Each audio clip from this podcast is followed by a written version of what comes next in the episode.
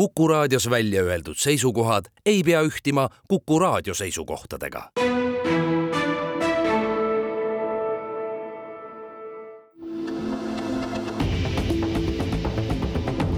kahevahel. kahevahel ilusat pühadevahe jätku, head kuulajad. kuku raadio argipäevade programm neil päevil on täis kahevahel erisaateid ja nõnda ka siis täna, kahekümne üheksandal detsembril. kui saatejuhid Ainar Ruussaar ja Timo Torve on kutsunud vähe pikemaks tunniseks mõtiskluseks stuudiosse ühe suure-suure kriipsu oma senisele elu- ja tööteele tänavusel aastal vahele tõmmanud Kaitseliidu endise ülema kindralmajor Riho Ühtegi, tervist, Riho! Tere päevast! ütlemata harjumatu on teid ilma vormita näha, olgu see siis remargi korras kohe öeldud, kuidas te ennast tunnete praegu muidu? nii nagu on, ilma vormita. mugavamalt natuke mugavamalt jah, et ei ole veel äh, sellist pensionitunnet kätte saanud, et pigem on äh, selline puhkusetunne veel kindralmajor Riho Ühtegi juhtis Kaitseliitu kahe tuhande üheksateistkümnenda aasta suvest kuni tänavuse aasta viieteistkümnenda detsembrini, nii et kaks nädalat on see amet juba maas olnud. ja varasem pikk laitmatu karjäär on muuhulgas teda näinud luurepataljoni ülemana. Riho Ühtegi on olnud Eesti kontingendi ülem Afganistanis, samuti kaitseatašee Gruusias, kaitseväe erioperatsioonide väejuhatuse ülem ja muuseas Riho Ühtegi eestvedamisel taastati Kaitseliidu Tartumaa malev. alustamegi ajaloost, erinevad andmebaasid internetis mainivad, et just teie eestvedamisel taastati Kaitseliidu Tartumaa malev, mis aastal see oli? No seda sa võib mitmeti vaadata, et me alustasime Kaitseliidu taastamist ikkagi nagu kõik enam-vähem äh, peale siis äh, Järvakandi sündmusi, ehk siis üheksakümnenda aasta äh, märtsis.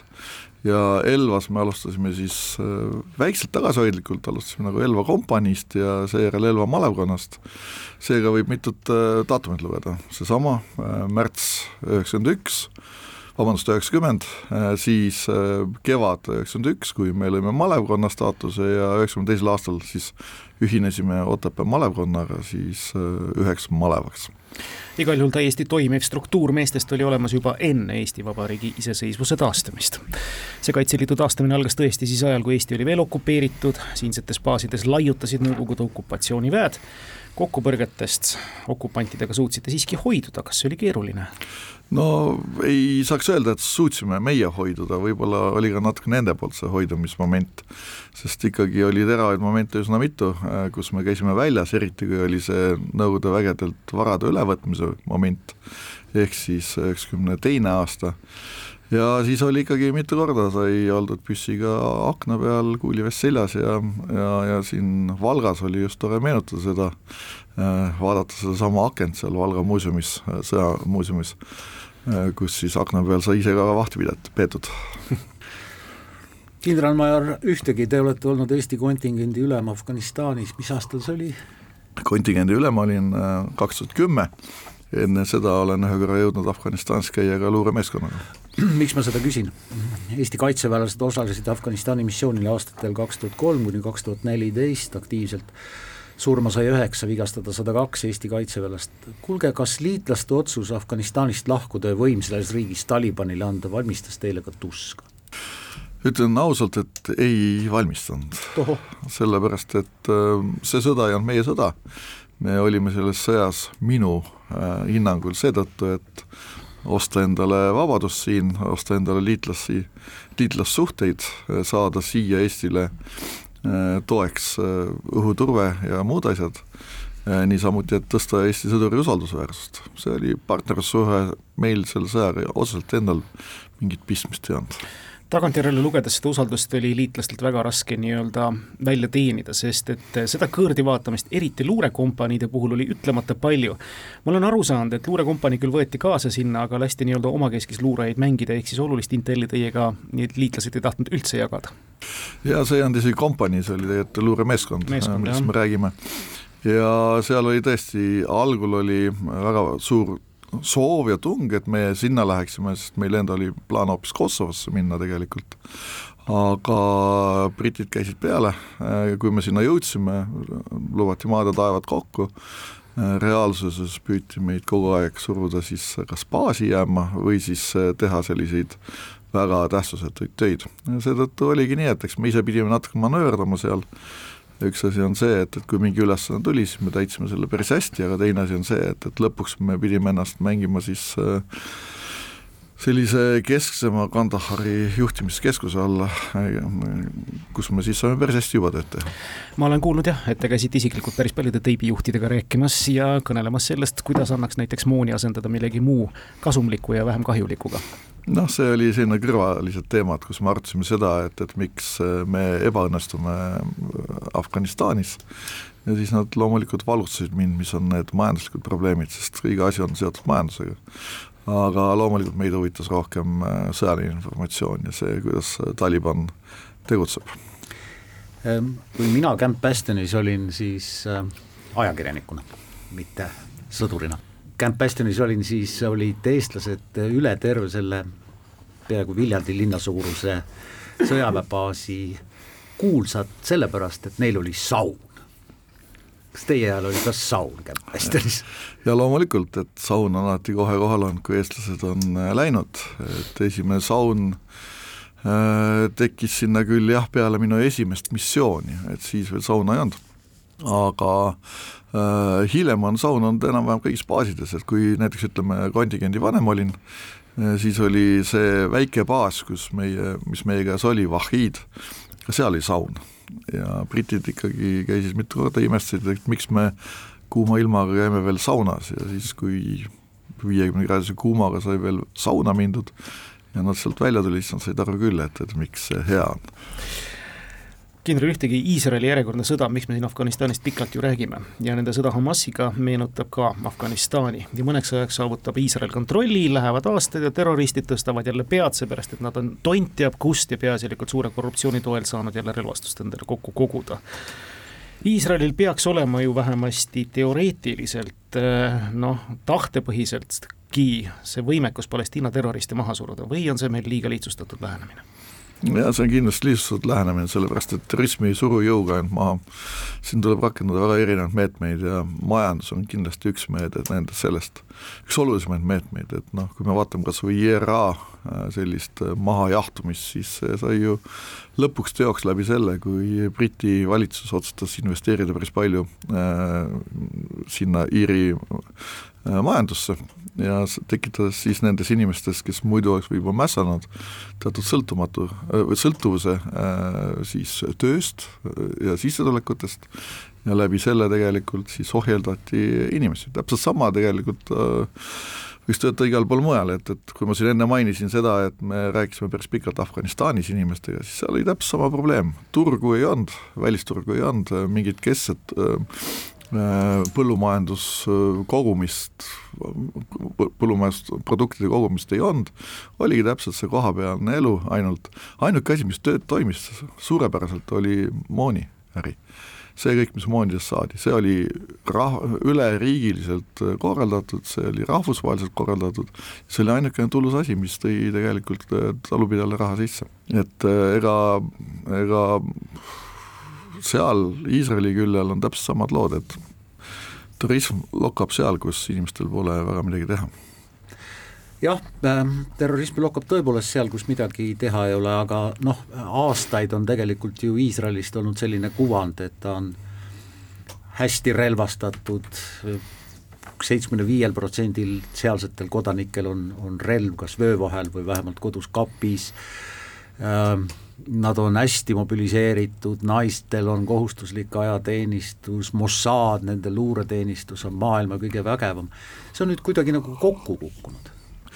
Ta ei ole kokku kukkunud, aga eks nad on ka rahuaja režiimil läinud, et äh, ma olen siin rääkinud Iisraeli atasseega ja teiste inimestega, kes ütlevad ka, et tegelikult mis juhtus, juhtus seda, et piirialadel enam relvi ei olnud inimeste käes tegelikult enamasti ja see oli üks suur probleem, seal, kus relvad olid, äh, seal ka hakati vastu ja, ja, ja tegelikult päästeti elusid. aga äh, kuna inimesed on muutnud, muutunud oma suhtumist ja ka valitsus on muutunud oma suhtumist, siis äh, paraku see tekitab sellise omakaitse refleksi, kaotab nagu ära. miks meil tuhande üheksasaja kahekümne neljandal aastal tegelikult uuesti Kaitseliit loodi ja just nimelt Kaitseliit rahvaorganisatsioonina oli seesama, et tekiks rahvarefleks ennast kaitsta. see on kõige tõhusam viis tegelikult selliste ootamatute rünnete puhul. teeme siin väikese pausi ja siis jätkame.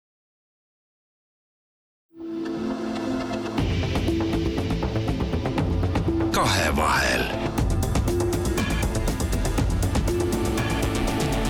kahevahel jätkame vestlussaadet Kahe vahel, Timo Tarve ja Ainar Ruussaare vahel, Kuku raadio stuudios on kindralmajor Riho Ühtegi. härra Ühtegi, kaheksandal augustil kaks tuhat kaheksa ehk maagilise kuupäevana tuntud null kaheksa, null kaheksa, null kaheksa algas lühike, aga täiemastaabiline sõda, kui Venemaa ründas Gruusiat. Teie olite mõned aastad hiljem Eesti kaitseatašee Gruusias, öelge palun, kas grusiinid on praeguseks leppinud Lõuna-Osseetia ja Abhaasia kaotusega? sõltub, millisest grusiinist me räägime, tegelikult on rahva seas väga teravalt meeles ja väga paljudel on sugulased veel sealpool nii-öelda rindejoont siis või kontrolljoont ja need inimesed pole päris kindlasti leppinud. ma olin täitsa ise ka üllatunud, kuidas äh, seal olles, rääkides inimestega, kes, äh, kelle pered olid lõhki, lõhki löödud just nimelt mitte kahe tuhande kaheksandal aastal, vaid juba üheksakümne esimesel aastal. ja nende mälu ja nende nii-öelda unistus sellest, et ikkagi uuesti äh, riik ühendatakse, oli ikka nii tugev, et see oli, jättis mulle väga sügava mulje et ähm, midagi ei ole unustatud ja kedagi ei ole unustatud. Äh, küsimus on selles, et äh, mis hetkel toimub poliitikas ja, ja majanduses. me teame, et, et Gruusia on täna äh, valitsus on pigem ütleme, Vene majandust ja poliitikat toetav kui selle vastu ja suur osa rahvast sellega nõus ei ole järgmisel aastal on valimised, nii parlamendi kui ka presidendivalimised Gruusias, nii et loodame ja vaatame, mis nendest siis välja tuleb. no päris selge, et nii Gruusias olümpiasuvel kaks tuhat kaheksa kui Ukrainas talvel kaks tuhat kakskümmend kaks oli selge, et Venemaa ühel hetkel ründab. lahtine oli kuupäev, sõja alguse kellaaeg. Öelge, kas üllatussõda on tänapäeval üldse võimalik? sõda ootamatult, kas ta saab alata või ei saa? noh, tegelikult ei ole, küsimus on ainult selles, kui palju seda suudetakse tõestada ja seda uskuda saab et noh, kui me võtame sellesama viimase konflikti mm, ehk siis äh, nüüd kahekümne teise aasta äh, rünnaku Ukraina vastu, siis samamoodi aasta aega, üle aasta me nägime neid ettevalmistusi, tegelikult veel pikemalt. ja, ja me vaidlesime ikkagi veel päris lõpuni välja, kas see juhtub või mitte, et ma, mul on, ma kaotasin kihlveo äh, Riho Terasele seetõttu, et ma ütlesin, et sõda veel ei alga ja tema ütleb, et algab, ütles, et algab. ja, ja kaotasin mille pärast, sellepärast et äh, lihtsalt paljud äh, sellised loogilised rehkendused ütlesid, et, et see on absurd minna Ukrainale kallale praegu. ilma pikemaajalise ettevalmistuseta, ilma varudeta, ilma äh, piisava kontingentita ja noh, oligi, et, et tegelikult kaheksa päeva järel võiks öelda, et oli see sõda läbi, alustati uut sõda. Kindral Ühtegi äh alati jälgitakse väga tõsiselt noh, kogu maailma press ja ilmselt äh, eriti äh, maailma eri riikide sõjaväelased ja luurajad jälgivad, kui Venemaa korraldab mingisugused õppused seesama, millest me juba rääkisime, null kaheksa, null kaheksa, null kaheksa tegelikult oli niimoodi, et äh, õppustele Kavkaz oli koondanud Venemaa suured väeüksused, mida ta siis paik-, paiskas ka Lõuna-Osseetiasse äh,. Kas tõepoolest me peame kuidagi muretsema, kui venelased korraldavad siin õppuse Zapad või midagi muud meie piiride lähedal, kas õppus võib alati kaasa tuua noh, ründeriski? noh, tegelikult on õppus muidugi, õppusjärgne sõja alustamine on pigem probleemne, sellepärast et õppuse käigust ju kasutatakse suurel hulgal tehnikat, varustust ja kõike muud, mida tuleb, tuleks hooldada ja kui me vaatame sedasama Kavkazile järgnevaid sündmusi Gruusias, siis ju enamasti kasutati ju vananenud sõja, vana sõjatehnikat. ehk siis tegelikult seda, mis Kavkaasi ajal oli kasutuses, seda suurel hulgal ei kasutatudki äh, Venemaa poolt. Äh, Ukrainale kalla tungides ju õppust ei eelnenud, vaid äh, seal ikkagi koondatigi konkreetselt vägesid, toodi väga moodsat tehnikat ja, ja äh, päris palju kraami, aga logistikat ei toodud kohale ja, ja selle näitab peale sellise tegevuse nõrkust või lühiajalisust. Ähm, meie õppused siin piiri ääres, jah, me jälgime neid loomulikult ja me võtame arvesse nii neid äh, Kavkaasi õppetunde kui ka teisi õppetunde äh, ja püüame hinnata selle järgi, äh, kas sealt võiks olla jätkusündmused või mitte. üldiselt paistavad need ikkagi alati välja, kui midagi on tulemas järgnevalt aga ometigi, kas on siis lugu inimloomuses või psühholoogias, et seda ei taheta uskuda, nõnda nagu Stalin ei tahtnud uskuda nelikümmend üks suvel, et talle tullakse kallale, hoolimata sellest, et kõik sellest pasundas ja kirendas, täpselt samamoodi nagu veebruar kaks tuhat kakskümmend kaks, kui kõik pasundas ja kirendas, Ameerika Ühendriigid viisid juba kuu aega ette ära oma diplomaadid Kiievist, maailm ei tahtnud lihtsalt, mõistus ei võtnud omaks, et selline asi tõesti võib juhtuda ja see on vist igal pool konfliktidega nõndaviisi või? teate, kunagi ma mõtlesin, ma kirjutan juturaamatu. Äh, aga tehke seda ja kirjutan ja alustan sellest, kuidas äh, luureülem istub äh, valitsuse ukse taga ja mõtleb, et et kuidas ta läheb seda tõestama, mida ta praegu ütlema läheb. sest noh, keegi teda nagunii uskuda ei taha ja fakte mm -hmm. on tal vähe et täpselt niimoodi ongi, et äh, tegelikult seal on kaks aspekti, üks asi on see, et ala, kunagi ei ole piisavalt tegelikult tõendeid, üks asi, isegi kui neid on mäekõrguselt, ikkagi neid ei ole piisavalt äh, õige otsuse langetamiseks. Ja teine asi, mis on, on see, et et ükski äh, poliitiline juhtkond ei taha teha otsust liiga vara sellepärast et see viiks majanduse ju, viiks riigi kohe kriisi ja, ja sellepärast näiteks ju ka äh, Ukraina president äh, langetas otsused ju alles äh, tegelikult viimasel õhtul sisuliselt. ja lihtsalt puhtalt sellepärast, et keegi ei taha minna sõjaseisu kohta liiga vara Venemaa on kaotanud äh, Ukrainas kõvasti üle kolmesaja tuhande mehe, seda kinnitavad mitte ainult Ukraina andmed, vaid seda kinnitavad ka näiteks Briti sõltumatud vaatlejad. Putin kirjutas, kinnitas hiljuti pressikonverentsil, et uut mobilisatsiooni ei tule, sellepärast et kuussada viiskümmend tuhat meest ning naist on valmis Ukraina vallutama, kõlab nagu bluff.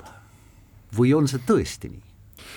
kuussada viiskümmend tuhat kõlas Putini huulilt noh, Vene armee on, äh, peaks olema kusagil praegusel hetkel jah, miljoni ringis, äh, kui me võtame kõik kokku. siis ongi nii, et kolmsada tuhat on kaotatud ja kuussada viiskümmend tuhat on alles? ei, äh, nad ikkagi kogu aeg värbavad peale, et see, miks praegu mobilisatsiooni välja ei kuulutata, ongi seesama põhjus, et et nende värbamine läheb suhteliselt hästi. paraku nii on, jah ja väidetavalt nad teevad värbamisega tasa kaotused ja seni, kui nad sellega hakkama saavad, seni tõesti mobilisatsiooni välja ei kuulutata, seda enam, et valimised on ka Venemaal tulemas. seda küll jah, märtsis. jah, keegi ei taha enne seda mobilisatsiooni välja kuulutada nagu ikka, me oleme siin kõik taskupsühholoogid, absoluutselt kõik jälgisime seda Putini esinemist, iga tema sõna mõeldes, et mis ta nüüd selle all mõtles täpsemalt. no midagi sarnast ta ütles ka, et ei ole mingit plaani ega mõistuspärast äh, mõtetki Kiievile kallale tungida veebruaris kaks tuhat kakskümmend kaks, nüüd ütles ta silma pilgutamata, et ei, nad ei taha NATO-le kallale tungida, mis see siis tähendab, me tõmbame nüüd täägid igaks juhuks ikka välja? aga Soome on natuke erijuhtum, mainis ta ka korduvalt. jaa noh, eks nad ju NATO-le tõesti ei taha kallale tungida, sellepärast et nad kardavad NATO-t, et NATO on äh, ütleme isegi võib-olla mitte tervet NATO-t, vaid nad kardavad kõige rohkem USA-d siiski. ja see on see osa, mis paneb palju, paljud asjad paika, et ma olen vaadanud neid ülekuulamisprotokolle ja videosid, mis Ukrainas on olnud ja, ja seal on küsitud mingitel aegadel ikka selle kohta ka, et, et noh, et kui te ütlete, et teie kõige suurem vaenlane on Baltikum, miks te sinna kallale ei läinud, siis öeldi, et vastus on kogu aeg olnud sama. Nad on NATO liige, et, et sellepärast.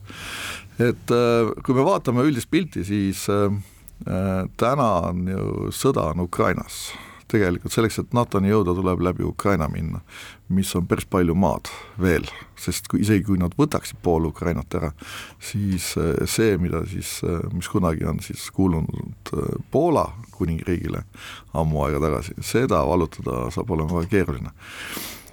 ja, ja meie piiridelt, siin kus päriselt NATO on, nad viivad ju järjest vägesid ära. meil sisuliselt ju on piiri taga tühjus täna et see on see seis, milles me oleme, nii et äh, kas see kardetud Pihkva diviis on siis pooltühi praegu? Pihkvas on võib-olla ainult üks pataljon, sedagi. hästi paljud on ka vist surma saanud, ma olen aru saanud, selle suhteliselt sõja esimestel kuudel. me läheme siinkohal väiksele pausile ja siis jätkame oma pikemat intervjuud kindralmajor Riho Ühtegiga.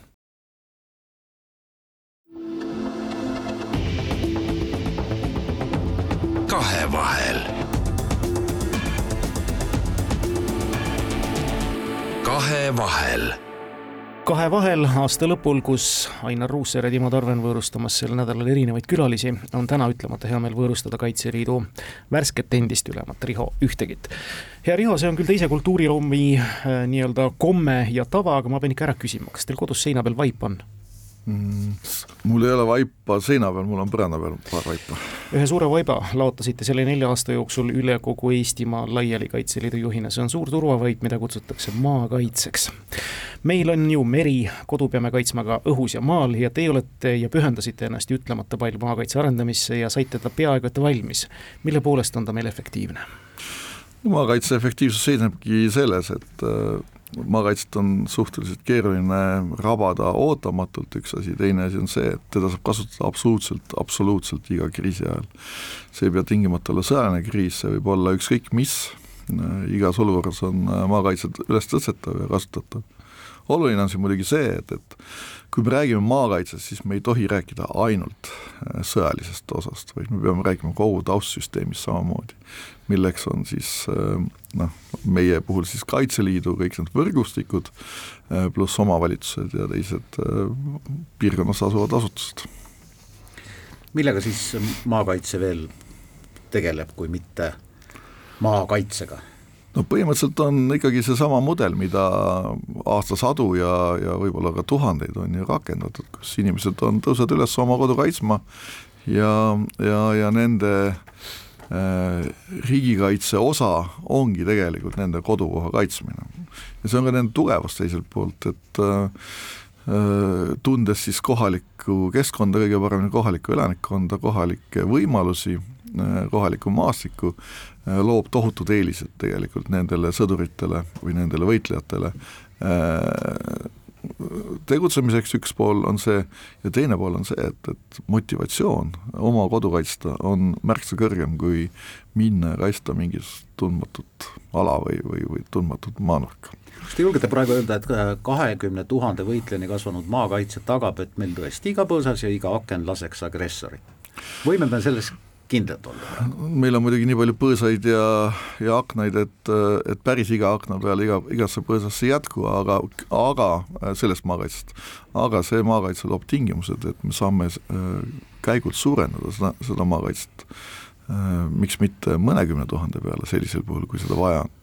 et see ongi pigem selline, kuidas ma ütlen, äh, pisut selline kaootiline osa Äh, riigikaitsest või ütleme, sõjalisest kaitsest selles mõttes, et ta, et ta võib kasvada ja ta võib kahaneda vastavalt vajadusele. näiteks kui meil teatud piirkonnas ei ole vaja nii suurt maakaitseväge, siis, siis siin teised inimesed teevad muud tege-, tööd, mida nad igapäevaselt teevad, aga kui on vaja näiteks tõs-, tõusta relvile, siis tõustetakse jah, ega päris iga põõsas ei peagi laskma, vaenlane ei pea teadma, et iga põõsas laseb, vaid seal tuleb kasutada ka kamuflaaži, nii nagu ka täpselt ukrainlased seda targalt on teinud, kulutades vastase võitlusjõudu.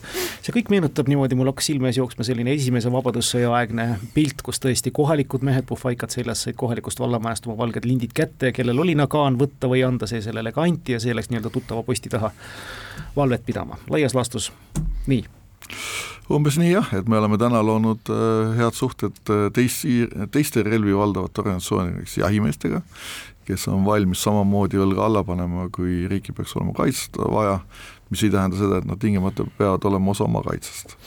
ja see ongi see Kaitseliidu fenomen, et Kaitseliit kaasub tegelikult läbi oma äh, läbi oma ühenduste, läbi oma lepingute, läbi oma partnerite kaitseväelisse tegevusse ei tea, kas ma küsin nüüd riigisaladuse kohta, aga kas meil on piisavalt relvastust ja moona iga üksuse jaoks, juhul kui jamaks läheb? no hiljuti just äh, kaitseminister ütles, et äh, kuidas me oleme hankinud äh, sel aastal rohkem moona kui kogu iseseisvuse aja jooksul kokku, taasiseseisvumise aja jooksul. nii et, et tegelikult meil moona on, ähm, relvi, relvade puudust ei ole meil kunagi väga olnud oluline on lihtsalt see, et, et kas, kuidas me oskame targalt ja nutikalt neid relvi kasutada kuidas on, kas Kaitseliidus on ka seda pädevust, et ütleme, kõrgtehnoloogiliste Himarsitega toimetada? jaa, Kaitseliit on ju rahvaorganisatsioon, mis tähendab seda, et et meil on vabatahtlikud liikmed ka need, keda muidu me ei suudaks kinni maksta ühegi valemiga. mida, mida tähendab Kaitseliidu kolm V-d? Kolm V-d on võitlejad, võimendajad ja võimaldajad, ehk siis kui me tõlgime seda mm, laiemalt äh, eesti keelde, siis võitlejad on selge see, et need on need kombatandid, need on need relvastatud äh, mehed-naised, kes siis üksustena sõdivad, võimendajad on siis äh, Kaitseliidu liikmed, kes on saanud ettevalmistuse toetada seda relvastatud võitlust, siin võib, me võime rääkida siin logistilisest toetusest, vaatlussüsteemidest, me räägime siin erinevatest ütleme, tagamisfunktsioonidest ja kõigest sellest muust, mida need inimesed saavad teha, ilma et nad oleksid sealjuures võitlejad.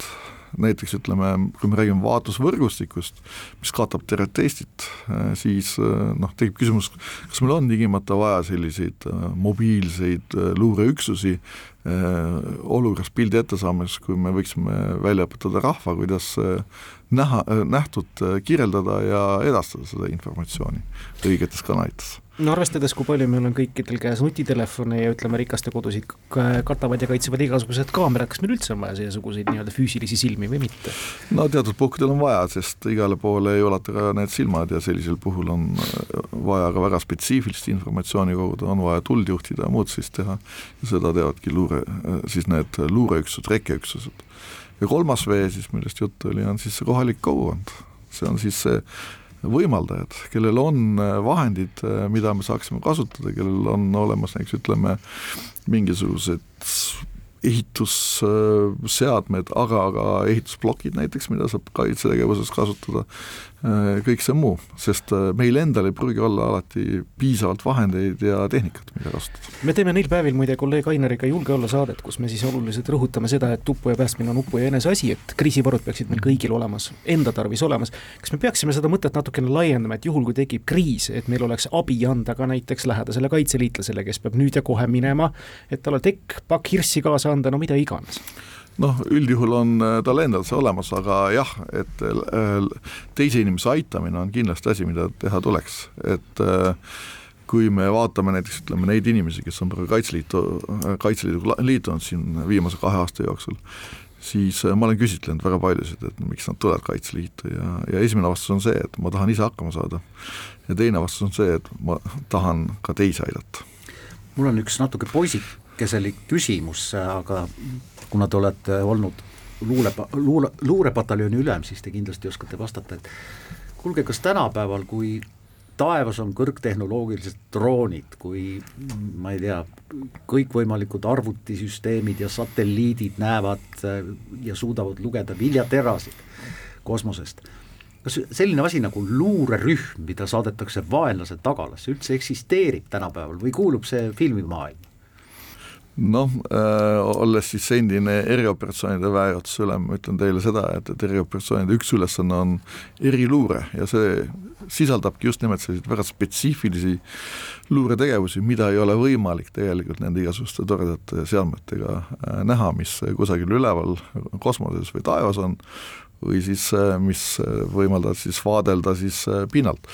nii et, et alati on olemas kohti, nurgataguseid, mida ei näe ja sinna on vaja paraku saata siis spetsialist no eeldame, et vaenlane ei ole loll ja kui ta mingisugust sellist valgust kartvat tegevust hakkab ette võtma, ta esimesena võtab ette kindlasti mingi pettemanöövri. seda, et satelliitidele näidata, et ei, ei, ei, me siin ei tee midagi ja tegelikult hoopis mingisuguse kamuflaaži all teeme ikka küll.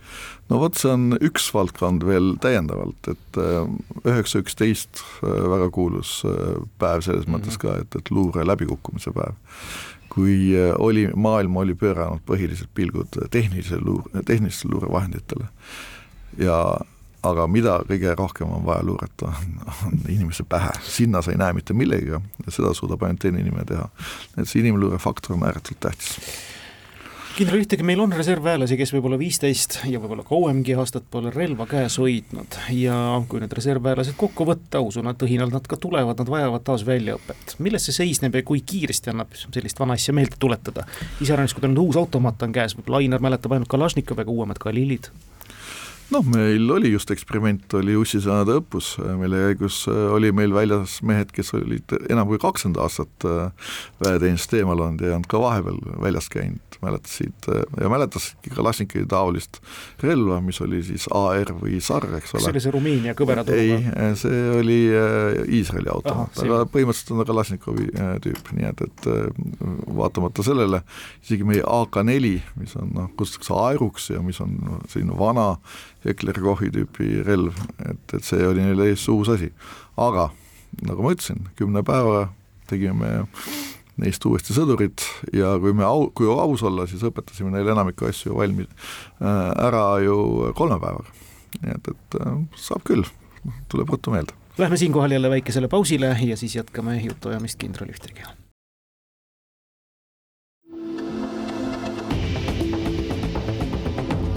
kahevahel. Kahevahel. Timo Tarve, Ainar Ruussaar jätkamas vestlussaadet Kahevahel ja Kuku raadio stuudios on Kaitseliidu endine ülem Riho Ühtegi, kindralmajori auastmes on härra Ühtegi kuulge, Eesti suurima õppuse Ussisõnad korraldamisel kandis kõige olulisemat rolli Kaitseliit, õppusele kutsuti kolmteist tuhat reservväelast, kui mu mälu mind ei peta, kohale tuli veidi rohkem kui pooled kas see tähendab, et kõik lahingupaarid ei ole lahingupaarid, vaid on lahingupaarid vaid paberil? No teatavasti äh, Kaitseväe õppekogunemistel kutsutakse alati üle kattega inimesed, ehk siis seda, et äh, kui on vaja kümme tuhat, siis kutsutakse umbes neliteist tuhat meest välja. ja, ja nii meil oligi, meil oli tegelikult äh, eesmärk oli saada üheksa tuhat, üheksa tuhat kaheksasada meest püssi alla. ja seega me väga palju ju nii-öelda ilma ei jäänud, ehk siis ütleme niimoodi, et kuna kutst oli rühmapõhiselt, eh, siis vastavalt sellele eh, oli ka siis, rühm oli kolmekümne mehe asemel kakskümmend seitse meest näiteks rivis või siis mõnel puhul siis oli tõesti niimoodi, et me loobusime mõningatest rühmadest ja tegime selle võrra vähem rühmasid. et äh, kõigil oli lahingupaar olemas, äh, need, see paar jääb neil kokku loodetavasti siin järgmiste aastate, aastakümneteks isegi, et äh, edaspidigi sama paarilisega nad tulevad õppustele välja. ja, ja, ja mina ütlen, et see õppus igati õnnestus. saada kätte mehed, kes pole kakskümmend aastat väljas käinud või, või kellest pole isegi informatsiooni kahekümne aasta tegevuse kohta, see oli väga kõva sõna kui tihti Kaitseliidu üksused peaksid harjutama? Teie järeltulija arvas, et viis päeva pühendunult aasta jooksul kohe päris kindlasti. on see kuidagi organisatsiooni aastaplaaniga paika pandud või on see malevatel nii-öelda endal jooksvalt teha? No tegelikult keskmine kaitseliitlane käib väljas umbes kaheksakümmend kuni sada tundi aastas, mis ongi täpselt see viis päeva, millest siin juttu oli. et ähm, nii, et nii või naa kaitseliitlane käib nii palju väljas. et kui ma ei eksi, siis oli juttu sellest, et ta tahab, tema mõte, äh, kindral Tamme mõte on, et ta peaks tulema, et kaitseliitlane peaks käima äh, õppekogunemisel nii mitu korda Äh, siin ma ei ole sada protsenti nõus selle, äh, selle seisuga, sest Kaitseliit ongi iseenesest ju see võimalus, see nii-öelda alternatiivne võimalus inimestele. Äh, ehk no ma olen, toon näite, ma üsna hiljuti rääkisin loomakasvatajatega, kes ütles seda, et nemad ei saa tulla Kevadtormile välja, kuna nad peavad oma loomadega tegelema. me nägime ussisõnade ajal, oli meil üks kitsekasvataja, kes sai tuntuks seeläbi, et tema sai linnaloa õhtuti käia siis kitsi, ma ei tea, jalutamas, lüpsmas, mida iganes tegemas. ja Kaitseliidu puhul ongi see võimalus, et needsamad loomakasvatajad näiteks saavad oma riigikaitsekohuse täita ilma, et nad peaksid viis päeva järjest kuskil väljas olema, vaid nad jagavad selle viis päeva aasta peale ära ja tulevad, käivad väljas, ma ei tea, mõne tunni kaupa, mõne päeva kaupa, eks ole, või mis iganes. et see peaks olema see alternatiivne võimalus, mida Kaitseliit pakub teistele et see on see, kus me, mis on meie, reservõppekogunemistele kutsutakse reservväelasi, selleks ei pea olema kaitseliitlane kas tööandjad üldiselt Eestis suhtuvad mõistvalt, kui nende alluvuses olev inimene läheb reservõppe kogunemisele, sest ta on reservväelane noh, näiteks nädalaks, näiteks kümneks päevaks? Jaa, enamasti suhtuvad väga mõistvalt ja loomulikult ähm, ka nii Kaitsevägi kui ka Kaitseministeerium näevad kõvasti vaeva selleks, et et tööandjatele siis kuidagi mõista anda, et nad tublid on, et neid tunnustada selle eest ja, ja kõik see muu. Kaitseliit samamoodi, et me, kuna me oleme ise tegelikult väga palju just nimelt sealtsamast keskkonnast pärit, ehk tihti on needsamad tööandjad samamoodi kaitseliitlased, siis äh, siin on seda mõistmist äh, vaata et veel rohkem. milline on Kaitseliidu liikme keskmine vanus? Äh, hetkel on nüüd juba natuke vähem, me räägime siin neljakümne viiest, neljakümne kuuest eluaastast, aga kui ma tulin, siis ta oli nelikümmend kaheksa, neli, viiskümmend no ikkagi, see tähendab seda, et piisavalt elukogenud ja, ja küpse inimese vanus. me elame vananeva ja kahaneva rahvastikuga riigis, kui palju see võib nüüd tulevikus Kaitseliitu mõjutada? no kui me vaatame, kes äh, täna Ukrainas kaevikuid rullivad, siis need on viiekümneaastased mehed enamasti. et äh, mina väidan seda, et neljakümnendates aastates mees on veel väga kõva sõjamees, võib-olla ongi õige sõjamees. et ta ei veel ei, ta on juba oma teadliku, teadlikkuse saavutanud elust, tal on juba, mille eest sõdida, tal on pere, tal on äh, vara, äh, ta saab aru, miks on vaja maad kaitsta. muide, kas Ukrainal on oma kaitseliit või taoline organisatsioon? Ukrainal on hästi keeruline süsteem selles mõttes, et Ukrainal jah, nad hakkasid looma oma territoriaalkaitset peale kahe tuhande neljateistkümnendat aastat. Või kusjuures võeti väga palju eeskuju just nimelt meist, Eestist, Eesti Kaitseliidust, samas nad sama teed päris minna ei tahtnud ja nad lõid oma territoriaalkaitse või siis noh, maakaitse siis sisuliselt, maakaitsevõime, äh, mis paraku ei saanud veel valmis täielikult selleks ajaks. nüüd äh, huvitav on see, et neil on olemas siis äh, ka rahvuskaart, kus on ka vabatahtlikud üksused, näiteks see kuulus pataljon Azov määrati just nimelt rahvuskaardi koosseisu ja see on siseministeeriumi all olev äh, struktuur et nemad päris maakaitsega ühte jalga ei käi, kuigi nad on absoluutselt äravahetamised sarnased, samasuguse relvastuse, varustuse, kõige muuga. ja siis neil on olemas veel äh, maakaitse, sees on neil tegelikult kaks erinevat tüüpi sellist äh, maakaitset, üks on siis äh, lepinguline, kes on oma lepingu sõlminud siis Kaitseministeeriumiga, kes on siis kohustatud minema kuhu iganes, kui kutse tuleb, ja teine on kohalik, ehk siis tegelikult nii-öelda vabatahtlik veel täiendavalt nii et hästi keeruline süsteem, hästi mitmekihiline, aga äh, ütleme, oma kodukohas see töötab hästi. Kui me vaatame neid maakaitseüksusi, mis on saadetud mujale sõdima, siis seal ta enam nii hästi ei tööta. kindral Ühtegi, teie kui erioperatsioonide väejuhatuse endine ülem, mul on ka niisuguseid hästi palju poisikeliselt õhinal kohe küsitavaid küsimusi, Ukraina erioperaatorid teevad muidugi võimast tööd. me oleme avalikkuses näinud seda legendaarset Krimmi silla õhkulaskmist, aga muid tegevusi ega nendest palju ju kuulda ja näha ei ole Öelge, kas nad järgivad kõike seda, mis nad tegelikult on ju teie käe all Eestis õppinud? Ähm, pigem küll seal õppinud. seal õppinud, aga šnitti saanud ikka mitte, jah?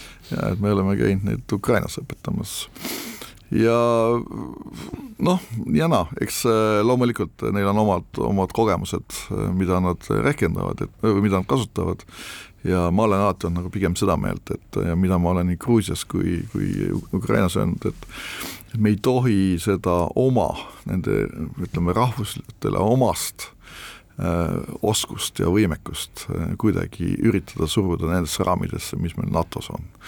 et, ähm, et täna on mõttekam kasutada neid sellisena, nagu nad ise on ähm, õppinud, anda neile juurde teadmisi, oskusi ja, ja, ja läbi selle neid pigem rikastada ja täiendada, kui et me üritame neist teha siis NATO-likku Äh, erioperatsioonide üksust. ei tohigi vist standardiseerida, need on need poisid, kes on harjunud läbi päevalille välude minema, no Hutsuli kirves käes igasuguseid asju tegema ja see on hästi selline tore asi.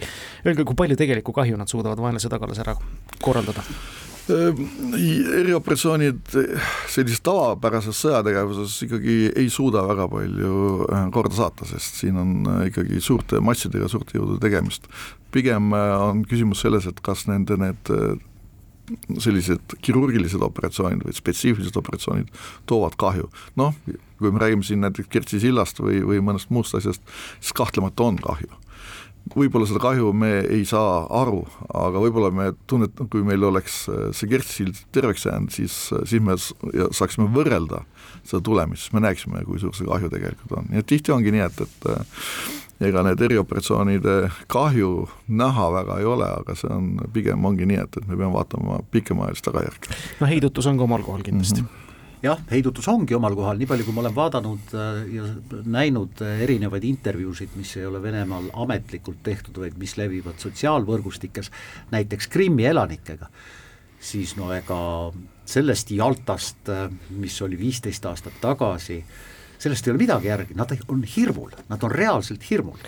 ja seda, see ei ole ainult Krimmis, see on Rostovi oblastis, see on isegi Moskvas, paljudes teistes piirkondades, see on meil samas kõrval Pihkvas. Mm. -hmm Äh, näiteks kui me vaatame, mida nad teevad siin, kuidas nad valmistuvad äh, lennuväljade kaitsmiseks, kõigeks muuks, siis see hirm on ülemaaline, jah Teist endast nüüd rääkides ja sellega saadet lõpetades hästi popp küsimus, mis te nüüd siis täpselt edasi teete, te olete vist Kaitseliidu Männiku malevkonna lihtliige, või nii kui käesideme ära panite, läksite tats-tats au andma juba siis oma nii-öelda kompanii seltsi ja igapäevaselt, kas teie leiate see viis päeva aastas, et meestega kokku tulla, kuuse all ööbida, pauku teha ja nõnda edasi? ühe vihje me küll saime, et Riho Jütegi hakkab raamatut kirjutama. loodetavasti. kannatamatult seda raamatut veel esialgu kirjutama ei hakka, et äh, raamatutega jah, paar raamatut on plaanis, aga need on kõik sellised pigem teat-, teatmeteostena. Äh, näiteks on äh, plaan ikkagi teha maakaitse käsiraamatule teine osa, mis räägib siis nendest mittesõjalistest poolt asjadest, on plaanis toimetada võib-olla üks-kaks raamatut veel ja, ja, ja siis edasi vaadata. aga mm, jah, Männiku malevkonna liige ma olen ja mul on Kaitseliidus tekkinud tohutu suur ho hobi, millega ma tahan kindlasti jätkata ja mis on võib-olla ka minu sõjaväljund, on siis sama laskeasjandus näiteks. Äh, ma olen ootamatult äh, päris heaks laskuriks saanud, noh, tõsi küll jah, kunagi lapsepõlves olin. võttis aega, võttis aega ja, ja, ja siis loomulikult äh, tahaks ikkagi panustada. Ja, ja see viis päeva kindlasti leian, et nii nagu mul ka tegelikult Kaitseliidu ülemana võib öelda, mul oli see viis päeva alati täidetud seetõttu, et et lihtsalt ma tegin nii palju ületunde, saab Kas... ka tulekas olema kodus proua on teie valikuga nüüd rahul, lõpuks ometi? no ta ei ole veel harjunud sellega, et ma kodus olen ja noh, eks ta, tema jaoks on ka veel praegu justkui selline puhkusefaas ja noh, ta ei usu, et ma koju jään, et ta arvab, et ma kindlasti leian mingi tegevuse suur tänu, et te olite, suur tänu, et te tulite. hea kindralmajor reservis Riho Ühtegi, soovime teile ilusat aasta lõppu, veel paremat uut! suur tänu, teile ka! Kahevahel. kahevahel